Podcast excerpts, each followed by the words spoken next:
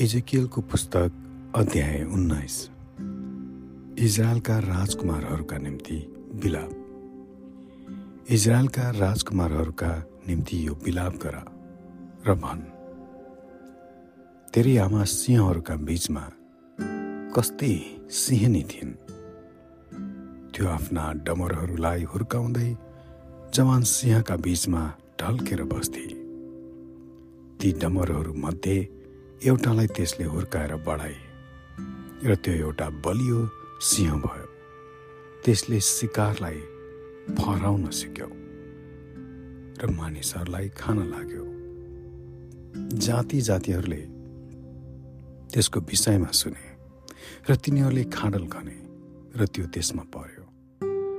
तिनीहरूले त्यसलाई अङ्कुशले समातेर त्यसलाई मिश्र देशमा लगे जब त्यसले आफ्नो आशा पुरा नभएको र आफ्ना अपेक्षा खतम भएको देखि तब त्यसले आफ्ना डमरहरूमध्ये अर्को एउटालाई लिए र त्यसलाई एउटा बलियो सिंह बनाए।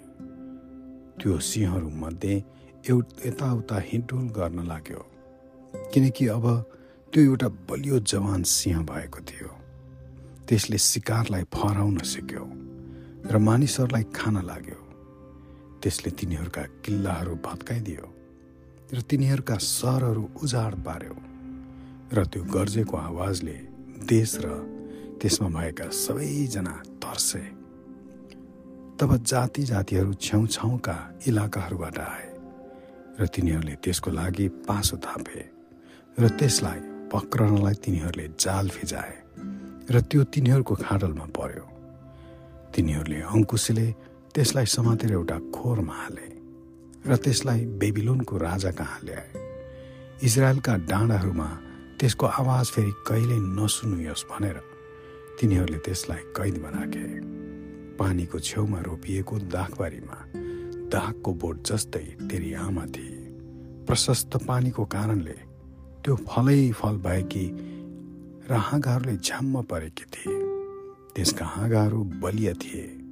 शासकको राजदण्डको लागि उचित बाक्ला हाँगाहरूका बीचमा त्यो अग्लो भएर बढ्यो। त्यसका हाँगाहरू धेरै थिए र त्यो अग्लो देखिन्थ्यो। तर क्रोधमा त्यो उखेलियो र जमिनमा त्यो फ्याँकियो। पूर्वीय बतासले त्यसलाई सुकाइदियो र त्यसका फलहरू सबै झारिए र त्यसका बलिया हाँगाहरू सुकिहाले र आगोले ती भस्म पारियो। अब त्यो मरुभूमिमा रोपियो सुक्खा जमिन पानी नभएको ठाउँमा। त्यसका मुख्य हाँगाहरूमध्ये एउटाबाट आगो निस्क्यो र त्यसका फलहरू भस्म पार्यो।